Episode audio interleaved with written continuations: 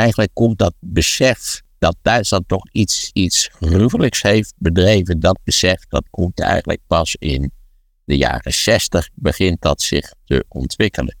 Dat is deels het gevolg van de publicatie van het dagboek van Anne Frank.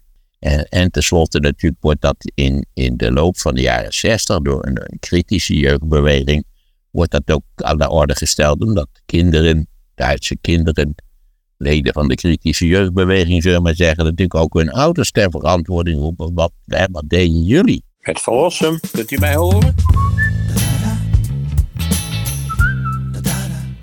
In deze aflevering hebben wij het over Duitsland na de Tweede Wereldoorlog. En dat is een podcast die deels vanuit Utrecht komt en uh, deels vanuit Texel.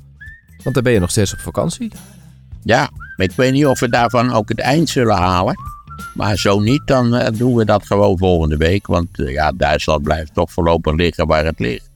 Dus dat zal, dat zal niet zo fundamenteel veranderen.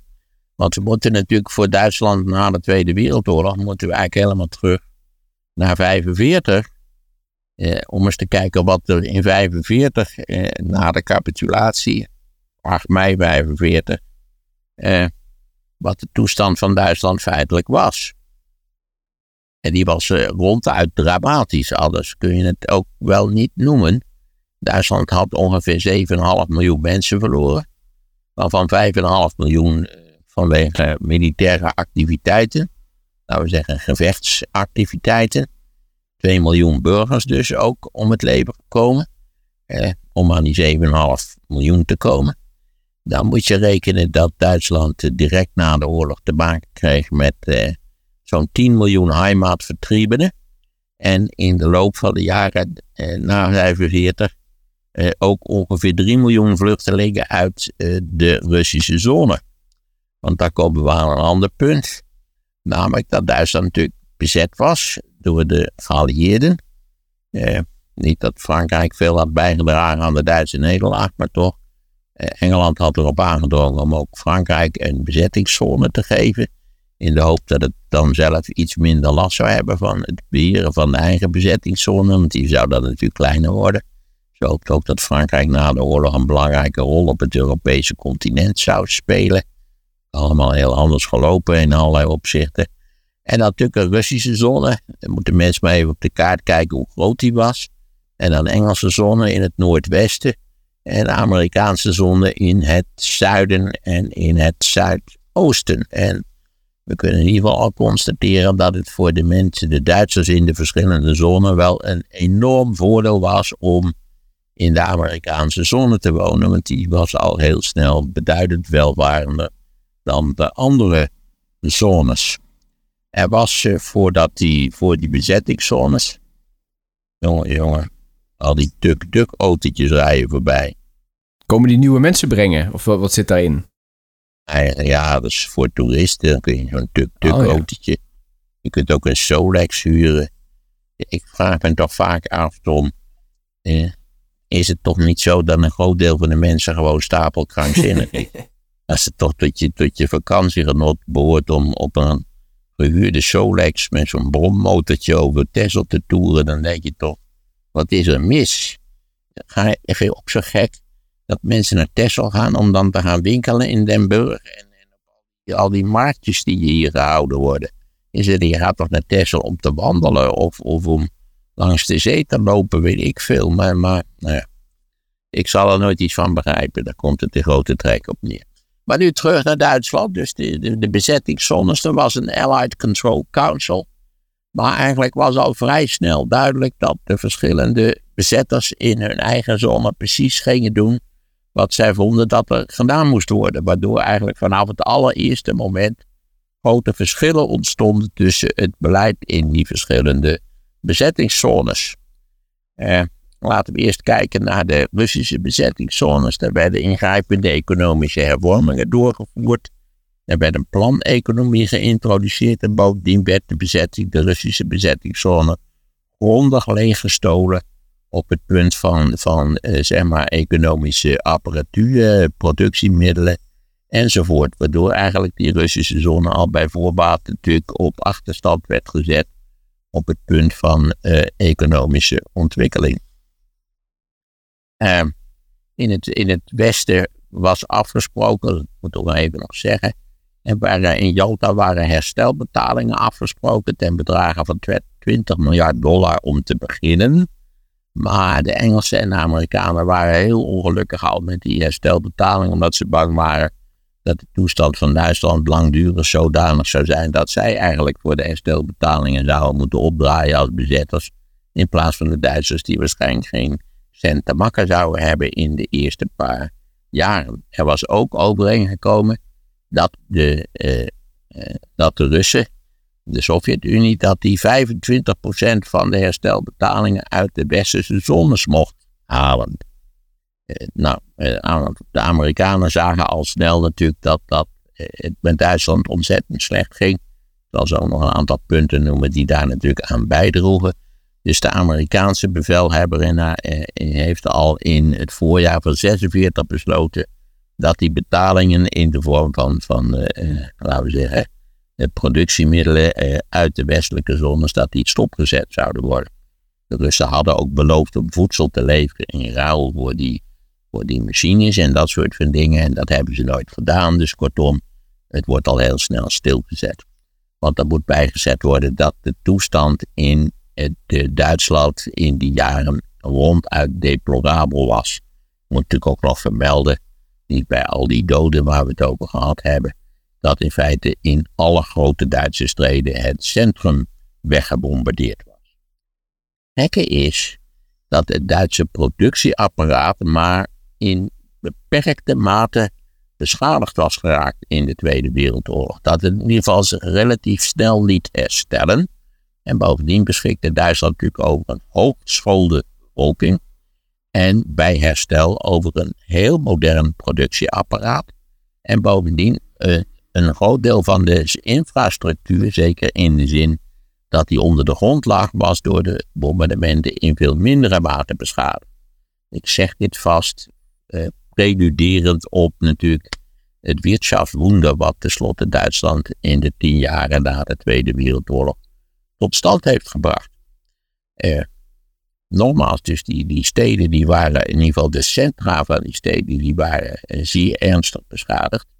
Eh, er zijn tal van, eh, journalistieke verslagen van Amerikaanse journalisten die dan na afloop van de oorlog in Duitsland komen kijken en die hebben allemaal als ondertoon, dit is niet meer te herstellen. Dit komt nooit meer goed. Dit is zo erg. Die, die puinhopen zijn zo verschrikkelijk dat, dat nou, nogmaals, er is niets aan te doen. Als u denkt dat het misschien wel meeviel met de puinhopen, vrijwel elke grote Duitse stad heeft een speciale puinberg. Een puinheuvel. Hè? Dat wil zeggen, daar is alle puin van die binnensteden is op één grote plek neer. We hebben het over gehad, in Nederland zijn die er ook, hè? Oh ja, precies. We hebben het over die puinbergen al gehad. Oké, nou ja, dan, dan heb je een beetje het idee hoe ernstig dat... Uh, in Wageningen, waar ik ben opgegroeid, waren ook uh, puinbergen. Maar, dat, maar je kunt je wel voorstellen dat die journalisten dachten, dit, dit, is, dit is hopeloos. Hoe, moet, er, moet hier godsnaam een, een oplossing voor bedacht worden? En aanvankelijk zag het er ook in Duitsland dramatisch slecht uit. In de winter van 46, 47 is op grote schaal honger geleden in Duitsland. Omdat natuurlijk ook die hele infrastructuur, voedselinfrastructuur, ook niet meer functioneerde. Eh, en laten we vast uh, iets vooruitlopen op de conclusies. Als je kijkt naar Duitsland, dus zeg maar bij, tussen 45 en 47, dan denk je inderdaad, dit komt nooit meer goed. En uiteindelijk natuurlijk, dat, dat is de enige conclusie die je trekken kunt, is Duitsland, ondanks deze werkelijk gruwelijke start, een gigantisch succes geworden. In het bijzonder natuurlijk ook in economisch opzicht. Want denken ze als, Amerika, als Duitsland niet die groei zou hebben vertoond. 10 miljoen heimatvertriebenen, 3 miljoen mensen gevlucht uit de Russische zone. Het, het, eh, en, en dan ook nog niet waar de mensen die eh, de Tweede Wereldoorlog niet overleefd hadden. En desondanks, nou, we zullen zo zien hoe de Duitsers dat in feite tot stand hebben gebracht. En dan was er natuurlijk een punt waar je niet, misschien niet zo direct aan denkt. Dat was dat verleden van, de derde, van het Derde Rijk. Twaalf jaar misdaden op een schaal zo, zoals zelden vertoond zijn. Een misdadig regime van de meest fantastische omvang.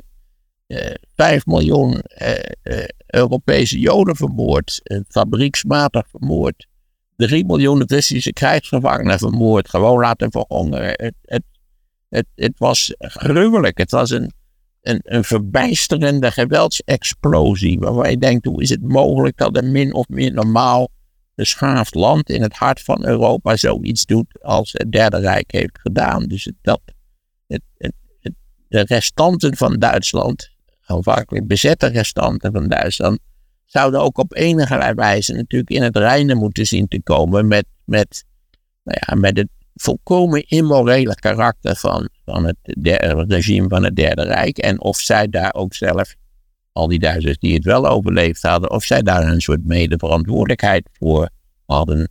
Ja, dan nee. Daar zullen we het ook nog uitgebreid over moeten hebben. Goed, waar waren we? Wacht even. Neem even een slokje cola. Deze keer ook geen blikjes met water vinden. Dus nu heb ik een blikje met cola van mijn vrouw gestolen. Cola Zero zo te zien. Mhm. Oh ja, jij kunt mij zien. Dat, dat vergeet ik steeds. Ja, ik- kan je zien. Ik zie van jou alleen een soort een gele bol. Met, met een hoofdje erin, zou ik zeggen. En een, en een nogal dik lichaam eronder. Oh, wat grappig. Dat zie ik helemaal niet. Maar dat heb ik bewust even Nee? gedaan, omdat dan de verbinding eh, wat, wat stabieler is. Zodat het beeld niet naar jou toegestuurd hoeft te worden. Omdat om die gele bol. Als jij praat, dan komt er om de gele bol een, een donkergele rand. Die beweegt naar, naar rato van wat jij Ja, de zegt. audio waveform. Ja, kijk, dus nu, nu, verhef, je- nu verhef je de stem. dan komt, komt er een veel grotere gele ring. En als jij je mond houdt, dan verdwijnt de gele ring. Ja, het, het functioneert. Het functioneert, absoluut. Goed, nu zitten we dus in Duitsland eh, eh, in die, in die, aan die beginfase, in de eerste jaren na de Tweede Wereldoorlog. En het grote geluk van Duitsland is geweest in allerlei opzichten dat eh, in die jaren na de Tweede Wereldoorlog de Koude Oorlog begint. Wat dat betekende natuurlijk dat, dat de rol van Duitsland een andere dat Duitsland de oude vijand was en dat er nu een nieuwe, volgens de Amerikanen in allerlei opzichten nog veel en gevaarlijke vijand op het wereldtoneel was verschenen, namelijk de Sovjet-Unie, die wel duidelijk had gemaakt dat zij prijs stelde op een omvangrijke invloedssfeer in Oost- en Centraal-Europa en op de Balkan. Dus dat maakte natuurlijk ook dat de positie van Duitsland veranderde van, een, van, van de verschrikkelijke tegenstander in eventueel op termijn een soort van medestander. De Amerikanen begrepen eigenlijk ook wel, want je moet steeds, de Amerikanen waren steeds de leidende partij en meestal deden de Engelsen wel mee met wat de Amerikanen wilden. Dus ook al in een vrij vroeg stadium worden de Engelse en de Amerikaanse bezettingszones samengevoegd tot wat heette Bisonia. En zodra Amerika duidelijk maakt dat het wel bereid is om militair aanwezig te blijven in Europa, denk aan het NATO-verdrag, wat eh, wordt getekend in, eh, in april van het jaar 1949, dan zetten ook de Amerikanen de Fransen onder druk, want eigenlijk hadden de Fransen wel een idee Misschien kunnen we in die bezettingszone een beetje losweken van Duitsland. Een beetje gedacht misschien als het Rijnland in de, in de periode na de Eerste Wereldoorlog. Maar goed, aan die, aan die, de Amerikanen zetten de Fransen onder druk. En tenslotte ontstaat dan dus Trizonia. In feite zo'n beetje Trizonia is eigenlijk wat later de BRD wordt. De Bundesrepubliek Duitsland. De Amerikanen besluiten al... eh, besluiten tot de, de zogenaamde, het zogenaamde Marshallplan. En het is al indicatief dat Duitsland ook iets krijgt uit de pot van het Marshallplan. Dus de ex-vijand krijgt ook iets uit de pot van het Marshallplan. Niet bijzonder veel, maar toch een significant bedrag. En dat niet alleen. De Amerikanen beseffen ook dat het herstel van Europa in economisch opzicht eigenlijk afhankelijk is van het herstel van Duitsland. Omdat Duitsland nu eenmaal de economische zwaargewicht in Europa was en is. Want dat is ondertussen niet fundamenteel veranderd.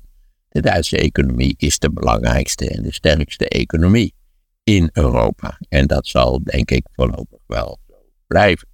Het bleek bijvoorbeeld dat een groot deel van West-Europa afhankelijk was van de kolenproductie uit het Roergebied. Maar ja, die lag ook grotendeels op zijn reet. Dus ook die moest hersteld worden. Kortom, nu hebben we dus drie zonia en de Amerikanen beseften, er zit niks anders op dan dat wij Duitsland weer op de been helpen als natie. En dat is wat zij gedaan hebben. In 1948 eh, brengen zij, of liever gezegd, geholpen door de Duitsers zelf, een munthervorming tot stand en de Rijksmark verdwijnt en de D-mark komt op het toneel. En die D-mark, die nieuwe Duitse munt, eh, ja, die is ondertussen natuurlijk ook alweer in de euro opgegaan. Maar een beetje, als u een beetje tussen uw wimpers doorkijkt naar zo'n eurobiljetje, dan weet u dat u eigenlijk gewoon naar een D-mark kijkt. Omdat die D-mark toen en ook in alle decennia daarna natuurlijk verreweg de belangrijkste en sterkste valuta in Europa was. En die D-mark zorgt er eigenlijk voor dat, dat nou ja, alsof er een soort van elektrische stroom op die dode economie werd gezet. En die economie die begint eigenlijk vrij snel begint die zich te ontwikkelen. En ook gaan de Duitsers dan aan de slag met een nieuwe grondwet. Die eigenlijk in allerlei opzichten is is gemaakt naar, naar het Amerikaanse voorbeeld, omdat het eigenlijk uh, de, Duitsland is een bondstaat. Dus allerlei landen die vormen samen de, de, een federaal georganiseerde bondstaat. Geen statenbond natuurlijk, maar een bondstaat. En aanvankelijk hadden de Duitsers daar, die vonden dat eigenlijk niet zo geweldig, maar uiteindelijk is dat een hele behoorlijke constitutie geworden met een bondsraad die een belangrijke rol speelt, waarin die landen dan een belangrijke rol spelen. Er is ook een soort van federaal eh, hof, wat belangrijke uitspraken kan doen. En volgens iedereen is heel erg belangrijk geweest dat eh, in, de, in de Bondsdag, dus in het Duitse parlement, is het zo dat als je een motie van wantrouwen indient, en je stuurt dus in feite de zittende bondskanselier stuur je weg, dan ben je gehouden grondwettelijk om meteen al een opvolger te presenteren. Dus je kunt niet zeggen van ja, we sturen ze weg en dan moeten we eerst maar eens kijken naar verkiezingen. Nee, je moet meteen een nieuwe bondskanselier in petto hebben. Anders kun je geen motie van wantrouwen indienen. En dat is in de loop der jaren eigenlijk een, een, een sterk stabiliserende factor geweest in de Duitse politiek. Die grondwet die wordt uh, in tenslotte goedgekeurd in 1949. Daarop volgen de eerste verkiezingen, ook in 1949. En dan tenslotte, nietwaar, start een bondsregering. En er komt ook een nieuwe bondskanselier. En die nieuwe bondskanselier was Konrad Adenauer. Die was op het moment dat die bondskanselier werd, ik moet even rekenen, hij was van 1876, dus 24 plus zeg maar 50, 4, die was, die was al dik in de 70, die was 73 ongeveer, misschien al wel 74, op het moment dat hij bondskanselier werd. Dus hij werd dat overigens met één stem meerderheid in de toenmalige Bondsdag. En het gerucht is altijd geweest, en ik acht het bepaald niet uitgesloten, dat het Konrad Adenauer's eigen stem was die hem het kanselierschap heeft bezorgd. De algemene verwachting was natuurlijk dat dat kanselierschap van Konrad Adenauer, dat dat niet zo heel lang zou duren en ook in die zin een beetje de, en voor de toekomst de zaken openhield. Daar bleek men zich grondig in vergist te hebben. Want Konrad Adenauer heeft er gezeten van de herfst van 1949 tot 1963. Dus in totaal is hij 14 jaar bondskanselier geweest. En nou ja, je hoort tegenwoordig dat, dat mensen die uh, ouder dan 60 zijn, sowieso allemaal zouden moeten worden opgeborgen. Of uh, zouden moeten worden voorzien van de pil van. Uh, als er nou één bewijs is voor het feit dat je ook als hoogbejaarde een hele geslepen, verstandige politieke leider kunt zijn, dan was het wel Konrad Adenauer. het was ook wel, er is ook wel gezegd, het was eigenlijk een kanselierssysteem in de jaren 50 Konrad Adenauer was de dominante politieke kracht in de vroege Bondsrepubliek. En hij was in allerlei opzichten een ideale figuur in die vroege Bondsrepubliek. Konrad Adenauer was namelijk afkomstig uit eh, het Rijnland. En Konrad Adenauer had geen hoge pet op van de Pruisische elementen in de Duitse geschiedenis. Konrad Adenauer was ook een enorm warm voorstander van de integratie van de restanten van Duitsland, want daar moet je natuurlijk toch van spreken, de BRD. En kijkt u even op de kaart en u ziet eigenlijk het, het, gewoon het westelijke en zuidelijke stuk van het voormalige Duitsland, want nou ja, de DDR, Sovjetzone was eigenlijk verdwenen uit het pakket Duitsland. En vergeet ook niet, heb ik nog niet vermeld, dat Silesië was in Poolse handen geraakt en Oost-Pruisen was in, deels in Poolse, deels in Russische handen geraakt. Dus grote delen van, van het vooroorlogse Duitsland behoorden niet meer tot het soevereine Duitsland. Wel nu, eh, Adenauer die eh, treedt dus aan als eh, bondskanselier. En eigenlijk begint dan al duidelijk te worden, we zitten nu in het najaar van 1949. In 1950 begint de Koreaanse oorlog. En de Amerikanen zijn er vast van overtuigd, naar mijn idee grotendeels ten onrechte, dat de Koreaanse oorlog eigenlijk de eerste stap was van het wereldcommunisme, geleid vanuit Moskou, naar de wereldheerschappij. U weet, het, de, de fictie van een wereldheerschappij, van wie dan ook, heeft eigenlijk voortdurend en speelt tot op de dag van vandaag een belangrijke rol in ons denken over de politiek in deze wereld. Want de Amerikanen zijn er nu vast van overtuigd dat het huidige communistische China eh, streeft naar de wereldheerschappij. Mij lijkt dat kletskoek, dat wil ik nog wel eens omstandig uitleggen waarom dat mij kletskoek toelijkt. En zo. Maar Amerikanen zijn niet af te brengen van het idee dat andere landen steeds streven naar de wereldheerschappij. Gek genoeg, als er nou één land is geweest na de Tweede Wereldoorlog, waarbij je eventueel zou kunnen spreken van een soort wereldheerschappij, dan is het, zijn het nou juist de Verenigde Staten zelf. Dus die zien eigenlijk hun eigen positie dan steeds potentieel aangetast, maar zij zijn natuurlijk tussen 45 en, en nou ja, weet ik veel, eh, de, nog wel het begin van deze eeuw sowieso eh, zijn, zijn de Amerikanen toch bij uitstek de meest dominante en sterkste natie geweest. Eh, zowel in soft power, je hebt het over Donald Duck, over hard power, de Amerikaanse militaire apparaat, maar zij zijn dat geweest. Maar goed, ook nu waren ze ervan overtuigd, dit gaat helemaal fout. Uh, we moeten op enige wijze moeten we die, die, die communistische agressie een halt toeroepen. En zij vonden ook dat West-Europa, want als communistische agressie in Azië een succes zou worden, dan dachten ze dat ook West-Europa ten slachtoffer zou kunnen vallen. De Amerikanen waren ook steeds heel bang dat het arme West-Europa waar op de communisten zou gaan stemmen.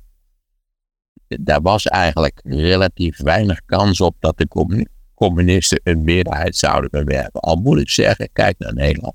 Daar is toch een periode geweest dat de communisten zo'n 10% van het electoraat hadden. Dat leidde tot uh, eh, 10% van het aantal Kamerleden. Het aantal Kamerleden was toen 100. Dat is pas later in de jaren 50, 150 geworden in Nederland. Er zo is alle reden om dat ook verder uit te breiden. We hebben relatief een veel beperkt aantal volksvertegenwoordigers gezien onze sterk gegroeide bevolking. Eh, dus de communisten hadden ooit tien Kamerleden. Maar oké, eh, eh, veel meer hadden ze bijna niet. Ik zie nu, Tom. Ja. Ik, moet, ik heb een paniekbericht, batterij bijna leeg. Oké. Ik heb nog maar 20% batterijlading over. Oh, maar dat is best nog wel veel hoor. Ja, ja? 20% is nog best veel. Want dan kan zijn dat die ineens ophoudt en dan kan, kan ik natuurlijk niet verder. Hoeveel was die helemaal opgeladen toen we begonnen? Ja, ik had hem helemaal opgeladen. Speciaal voor deze werkzaamheden natuurlijk. Oké, nou ja, dan weet je dus dat, dat, dat ik ineens uit, uit, uit de ether kan verdwijnen. Ja, hè? ja, maar hij gaat. Kijk, je krijgt zo meteen sowieso nog een melding als hij op 10% staat. Dus. Uh... Oké, nou dan, dan, dan ga ik daarna ook nog maar door. Dan moet jij hem straks, als ik dus verder niet meer verder kan, dan moet jij voor een passende afsluiting zorgen. Ja, dat is goed. Nou, ik, doe mijn best. Ik ga er maar even door. En dan zien we wel hoe dit, eh, hoe dit toneelstuk afloopt. Je ziet dat zo'n iPhone ook zijn beperkingen heeft. Want hij was 100% vol toen ik begon met dit, eh, met dit betoog. Waar waren we gebleven? Duitsland is eh, ondertussen toch een natie geworden. Zij het nog steeds wel een bezette natie. Dat wil zeggen, als het puntje bepaald kwam, hadden de geallieerden in eh, de BRD, ik zie even af van de Sovjetzone, waar natuurlijk sprake was van een uh, dictatoriale situatie, omdat daar de SPD, de Socialistische Partij, opgegaan was in de SED, Socialistische Eenheidspartij, Duitsland, die in feite natuurlijk het creatuur was van de Sovjet-Unie en van de Sovjet-bezetters.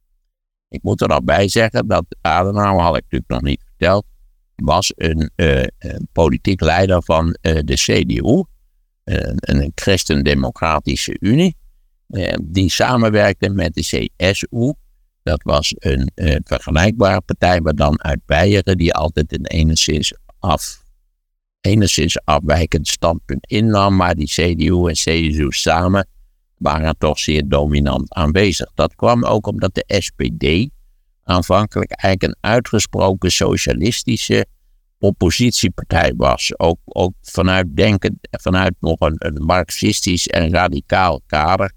Uh, de, in allerlei opzichten waren de SPD'ers die waren ook van, tegen van allerlei zaken.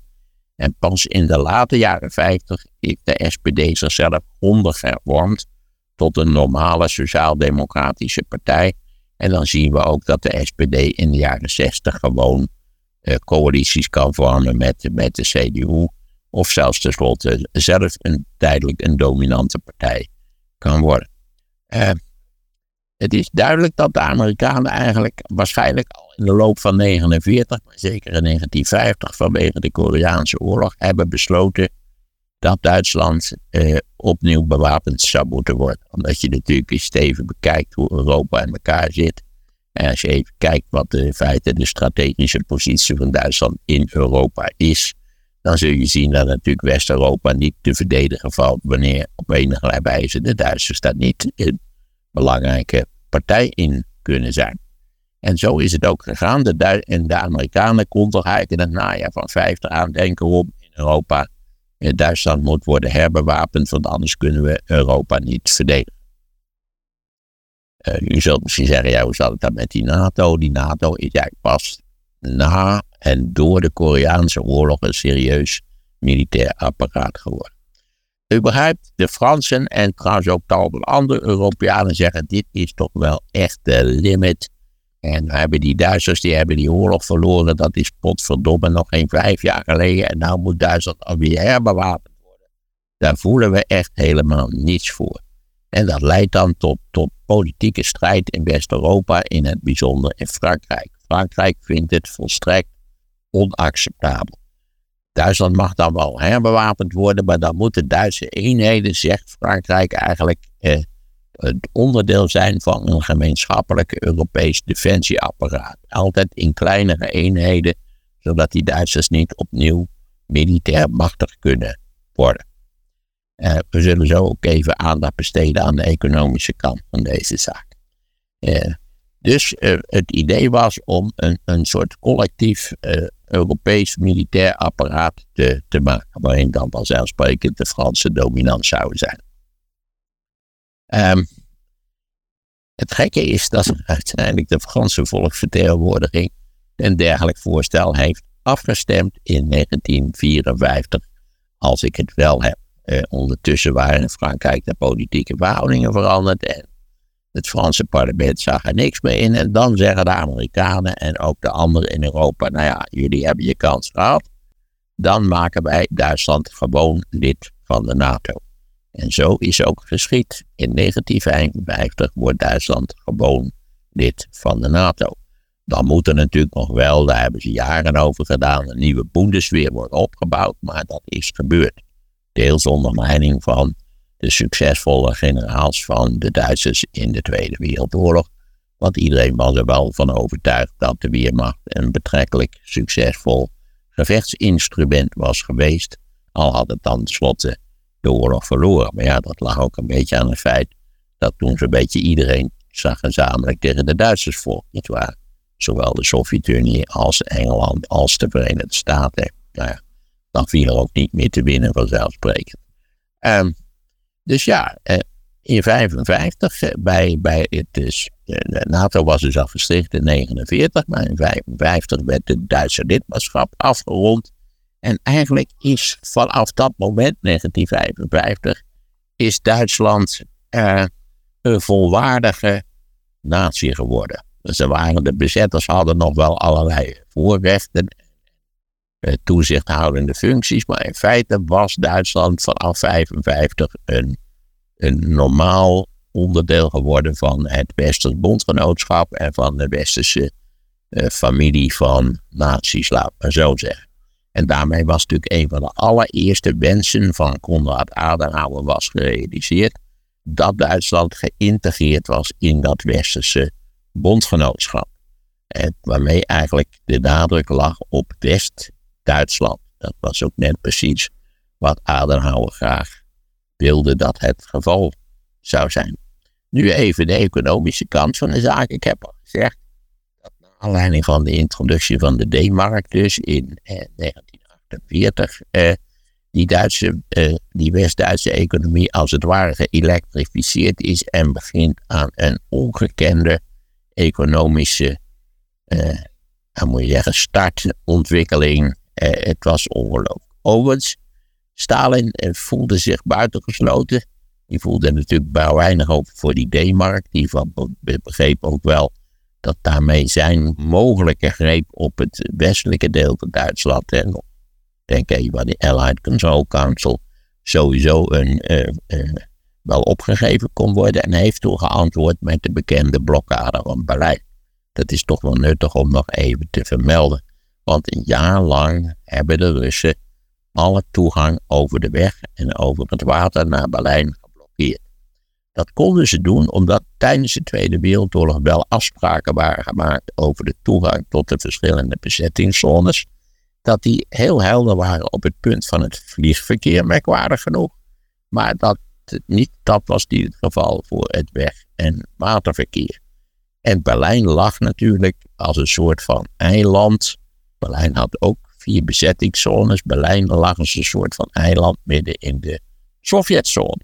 En ja, wat precies de ambities van Stalin zijn geweest met die blokkade blijft een beetje duister wilde die Berlijn sowieso opruimen, had een soort van pijnpunt weg ermee. Wilde die eigenlijk de geallieerden weer terugdrijven naar de behandelingstafel om, om daar te gaan praten over hoe het verder economisch zou moeten gaan in Duitsland. Dat blijft duister. Feitelijk is dat de westelijke geallieerden hebben gereageerd met een luchtbrug. En die zijn erin geslaagd om een heel jaar lang een stad van 2 miljoen inwoners op adequate wijze te bevoorraden. Dat is gebeurd en tenslotte haalt Stalin bakzeil. Hij begrijpt dat hij verloren heeft. Uh, Berlijn zal blijven wat het is.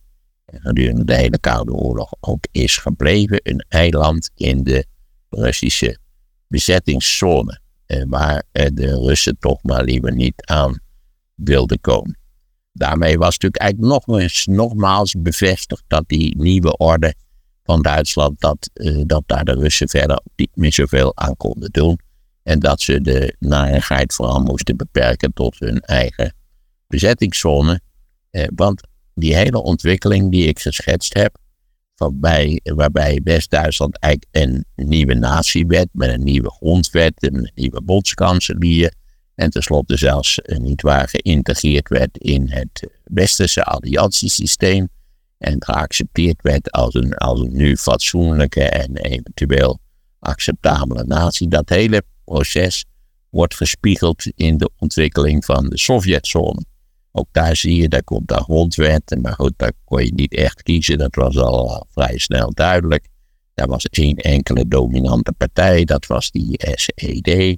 Als Duitsland dan lid wordt van de NATO, dan richt de, de Sovjet-Unie het Warschau-pact op.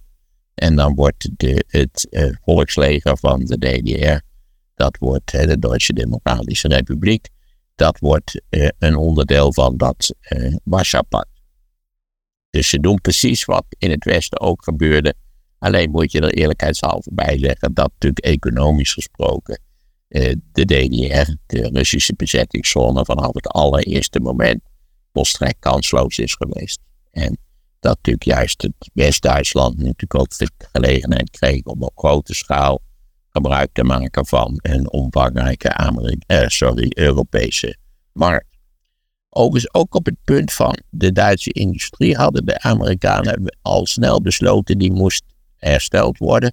Want zonder de Duitse industrie en zeker zonder de Duitse zware industrie zou ook de West-Europa economisch niet weer op het paard getild kunnen worden. Ook daar maakten de Fransen ingrijpend bezwaar tegen. Ja, als die Duitse zware industrie weer eh, op de been werd geholpen, dan, ja, dan was het maar afwachten wat die Duitsers daar dan mee zouden gaan doen. Overigens heel veel mensen, niet alleen de Fransen, ook Stalin dacht dat de Duitsers binnen twintig jaar na afloop van de Tweede Wereldoorlog weer een oorlog zouden beginnen. En dat is natuurlijk wat je verder van het huidige Duitsland mogen denken. Wat je verder mogen denken van Scholz en Angela Merkel. Maar de kans dat de Duitse panzerdivisies op enige wijze weer in beweging zullen komen. Ze hebben al moeite om met die tanks te leveren aan de Oekraïne. Dat is eh, duidelijk dat Duitsland is als, als ambitieuze natie, als expansieve natie eigenlijk een uitgebluste vulkaan. Tenminste, ik denk dat dat zo is. Eh, het lijkt me heel onwaarschijnlijk dat dat nog onder zou kunnen veranderen. Misschien ook dat daar altijd nog op de achtergrond dat die, die onbeschrijfelijke gruwelijkheid van het nazi-verleden, dat dat toch een, hoe je er nou ook over nadenkt, het is, die is raadselachtig dat, dat een, een, een, Europese natie, waar misschien sommige dingen niet geweldig in orde waren, of die misschien een autocratische traditie had, maar dat een natie een dergelijke explosie van, van immoraliteit en geweld kan vertonen, dat, dat blijft toch een hoogst eigenaardige, hoogst eigenaardige zaak. Uh, dus ja, de DDR heeft altijd op afstand gestaan. Als u wil weten waarom de Trabant zo'n ongelukkig grote wagentje was en de VW, de VW Kever eigenlijk een vrij succesvol product, al was die heel snel gehouden na de Tweede Wereldoorlog, dan ligt dat ook aan het feit dat de DDR al productietechnisch leeggestolen was door de Russen. Terwijl de, natuurlijk de grote Volkswagen-fabriek in Wolfsburg al door in de jaren 30 was voorzien van de allermodernste Amerikaanse machines. Maar om die angsten van de Fransen. Nu komt er weer een groepje motorrijders in, in club voorbij. Waarom moeten mensen toch altijd dingen in een club gaan doen? In een club gaan motorrijden. Nu komen er nog mensen voorbij met van die, van die fietsen, met van die dikke band. Het is werkelijk, jongen, jongen. Het toeristisch Nederland, je staat er, staat er verbaasd over. Eh, ik ben toch afgeleid het gebom, het gebom van buiten. Het is toch wat, dan ga je naar met vakantie. En dan huur je daar eens een motorfietsje of een fiets met dikke banden om te gaan rondrijden.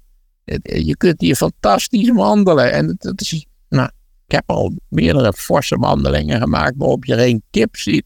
Hoe druk het ook is in de dorpen. Op de wandeling zie je geen kip. Blijft een raadsel. Want gelukkig is het zo.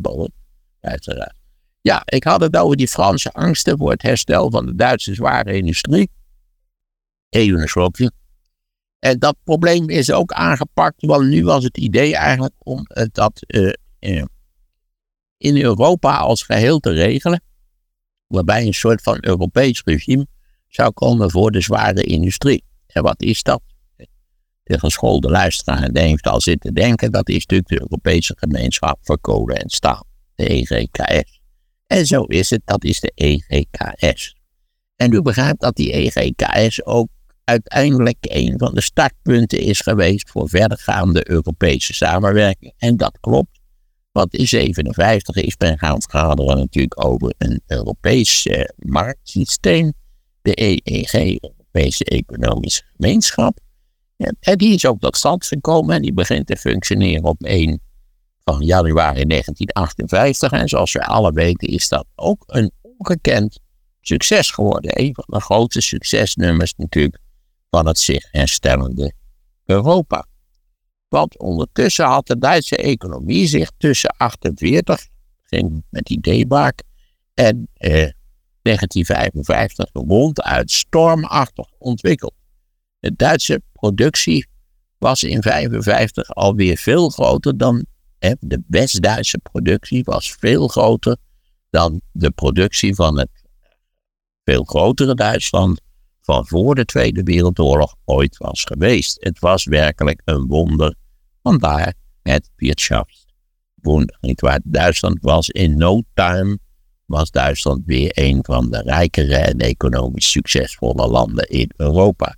En dat was dus te wijten aan het feit dat eigenlijk het productieapparaat maar in beperkte mate beschadigd was geraakt. Dat er natuurlijk een hooggeschoolde bevolking was. Het Duitse uh, universitaire systeem was in allerlei opzichten, zeker toen uh, en zeker voor de oorlog nog, het beste universitaire systeem ter wereld. Dus ja, Duitsland had zich eigenlijk al in de jaren 50 ontwikkeld tot een ongekend succes.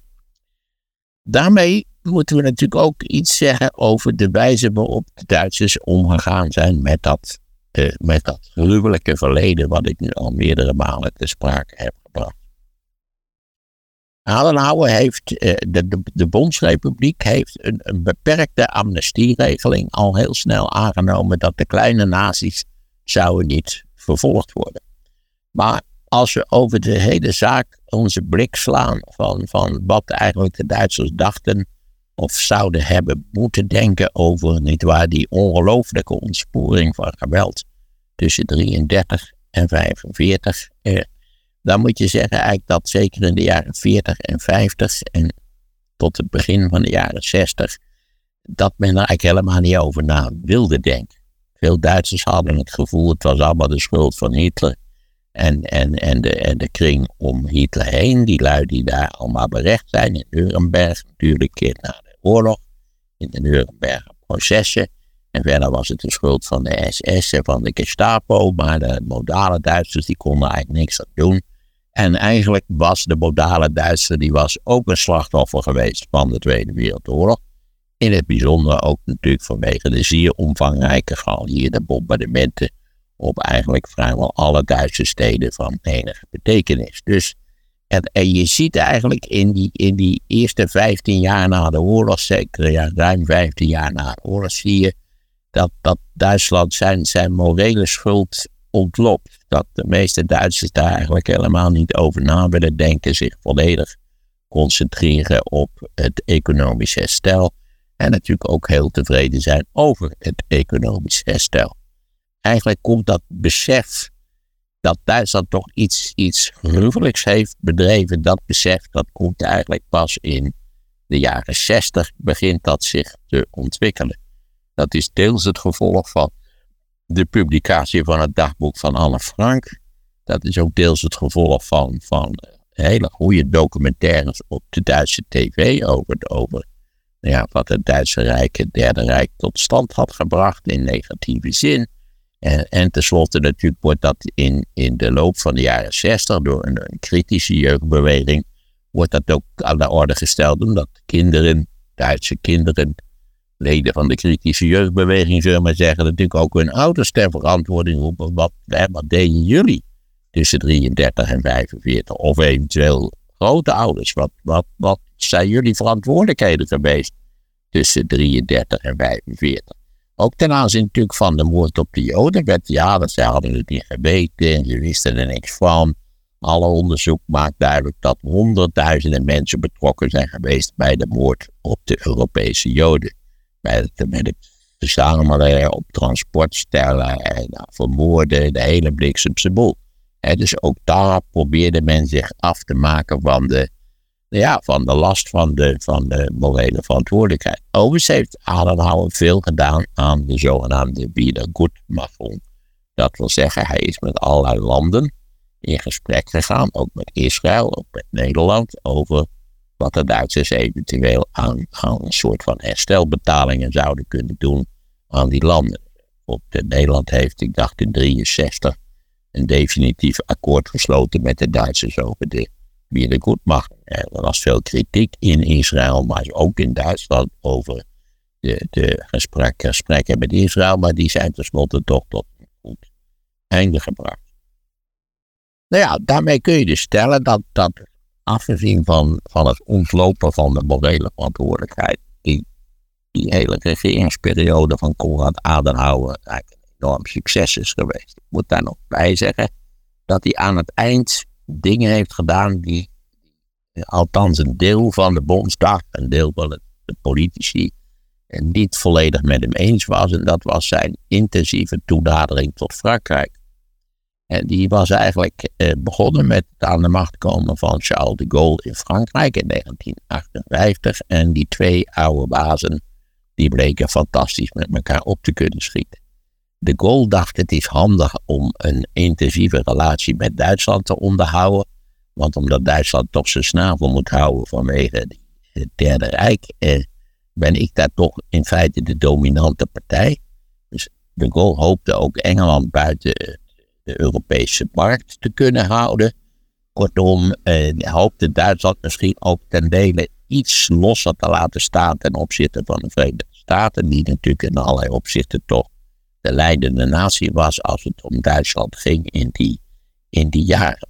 En tenslotte vond een deel van de Duitse politici dat Adenauer daar wel erg ver in was gegaan in die toenadering tot Frankrijk. En dat luidde eigenlijk stap voor stap in het haast onvermijdelijke afscheid van Adenauer, die natuurlijk ondertussen, ik moet even doorrekenen, in 1960 was hij 84. Eh, hij is tenslotte afgezwaaid in 63, dus toen was hij 87. Stel je voor dat, dat Timmermans minister-president wordt, die is nu 62. Dus dan zou die nog uh, even kijken, 84, nog 22 jaar. Ja, ik zeg dit vooral om, al om heel rechts Nederland het dak op te jagen. Moet je eens voorstellen dat Timmermans tot zijn 84ste eventueel minister-president in Nederland zou kunnen blijven. Is dat niet een aardig idee? Trouwens, we hebben in Amerika een president die is een jaar ouder dan ik. Dus reken maar uit, ik word dit jaar 80, dus hij wordt 81. Of is het al nog een jaar erbij, dus nog vijf jaar met een tweede termijn erbij. Dan zou die ook 86 zijn. Maar u ziet, kijk naar Konrad Adenauer. Kijk eventueel naar Churchill.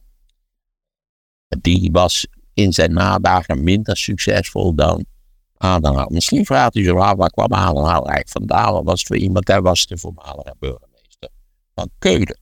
Dus hij had wel degelijk bestuurlijke ervaring. En het was een ongelooflijk geslepen vos in zijn beste jaren. Zoals gezegd, zijn toenadering tot Frankrijk ging wel heel ver. Veel mensen voelden dat dat bedreiging was voor de intensieve betrekkingen tussen de Bondsrepubliek en de Verenigde Staten. En dat, dat kweekte eigenlijk twijfel aan, eh, laten we zeggen, het, beleid van Adenauer. Daar kwam nog een crisis bij, en dat is de fameuze Spiegelcrisis. En dat was weer gekoppeld aan een, een, Beierse politicus Frans Jozef Strauss, die was minister van Defensie. En uh, de, de Spiegel, nog steeds een heel prominent Duits tijdschrift, iedereen zal de Spiegel wel eens hebben gezien. Uh, nee, ik moet niet uitwalen met anekdotiek, dus dat gaan we niet doen.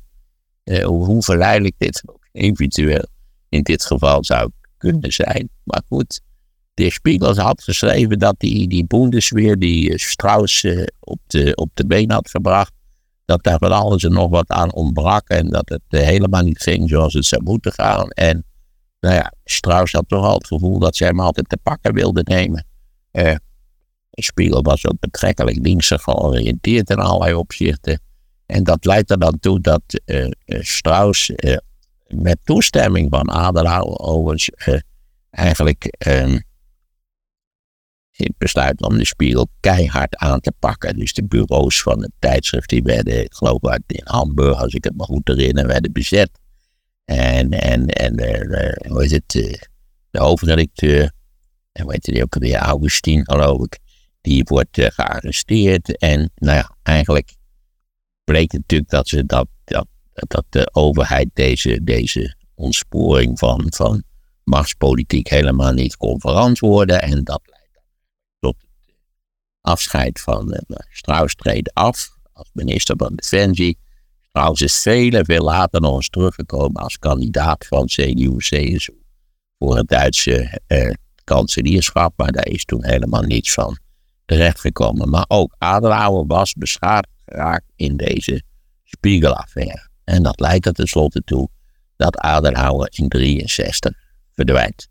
Maar goed, toen had hij toch 14 fantastische jaren achter de rug. En zonder twijfel, niet waar, was Adenauer een, hoe zal ik het zeggen, een, een geschenk van de geschiedenis voor Duitsland. Want dat is wel iets wonderlijks. Ik geloof dat ik wel eens eerder iets over gezegd heb.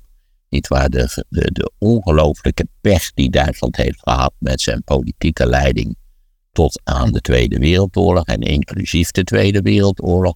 En dat daarna, niet waar, krijg je eigenlijk een hele reeks van kanseliers, niet allemaal even bekwaam, maar toch, er zitten er een paar bij die het echt voortreffelijk gedaan hebben.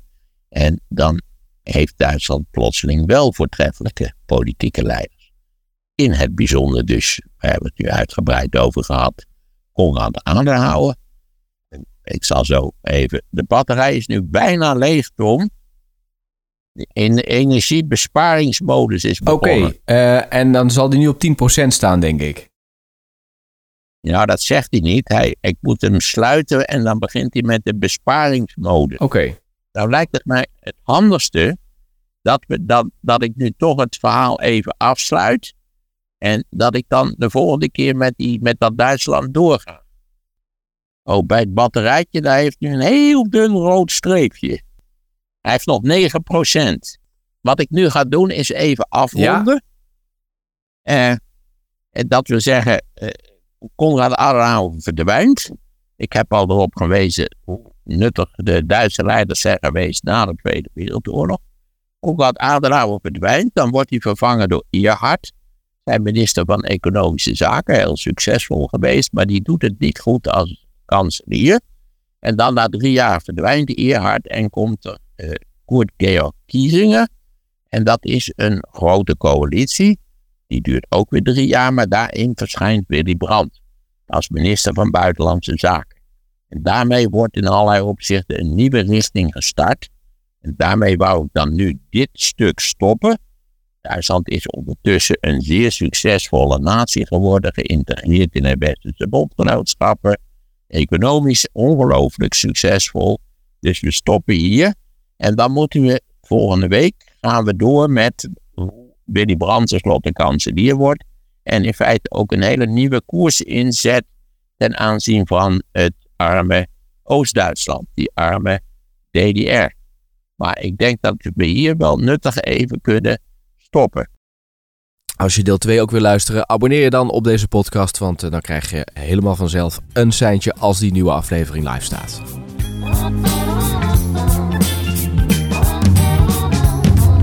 Wat ik nu ga doen is even afronden.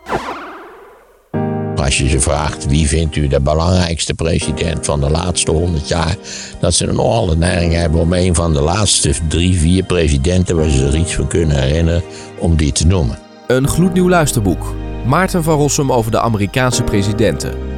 Met als gevolg dat als je het nu vraagt, dat mensen ook zeggen dat misschien Clinton wel een geweldige president was. Niet slecht, maar niks bijzonders zou ik zeggen.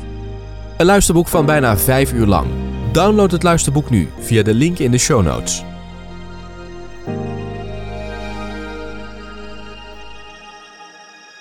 En in de podcast Sea Level gaat het over de kwantumrevolutie. Na AI krijgen we de kwantumrevolutie. En wat dat betekent voor jouw leven hoor je in de podcast Sea Level. De link staat in de show notes.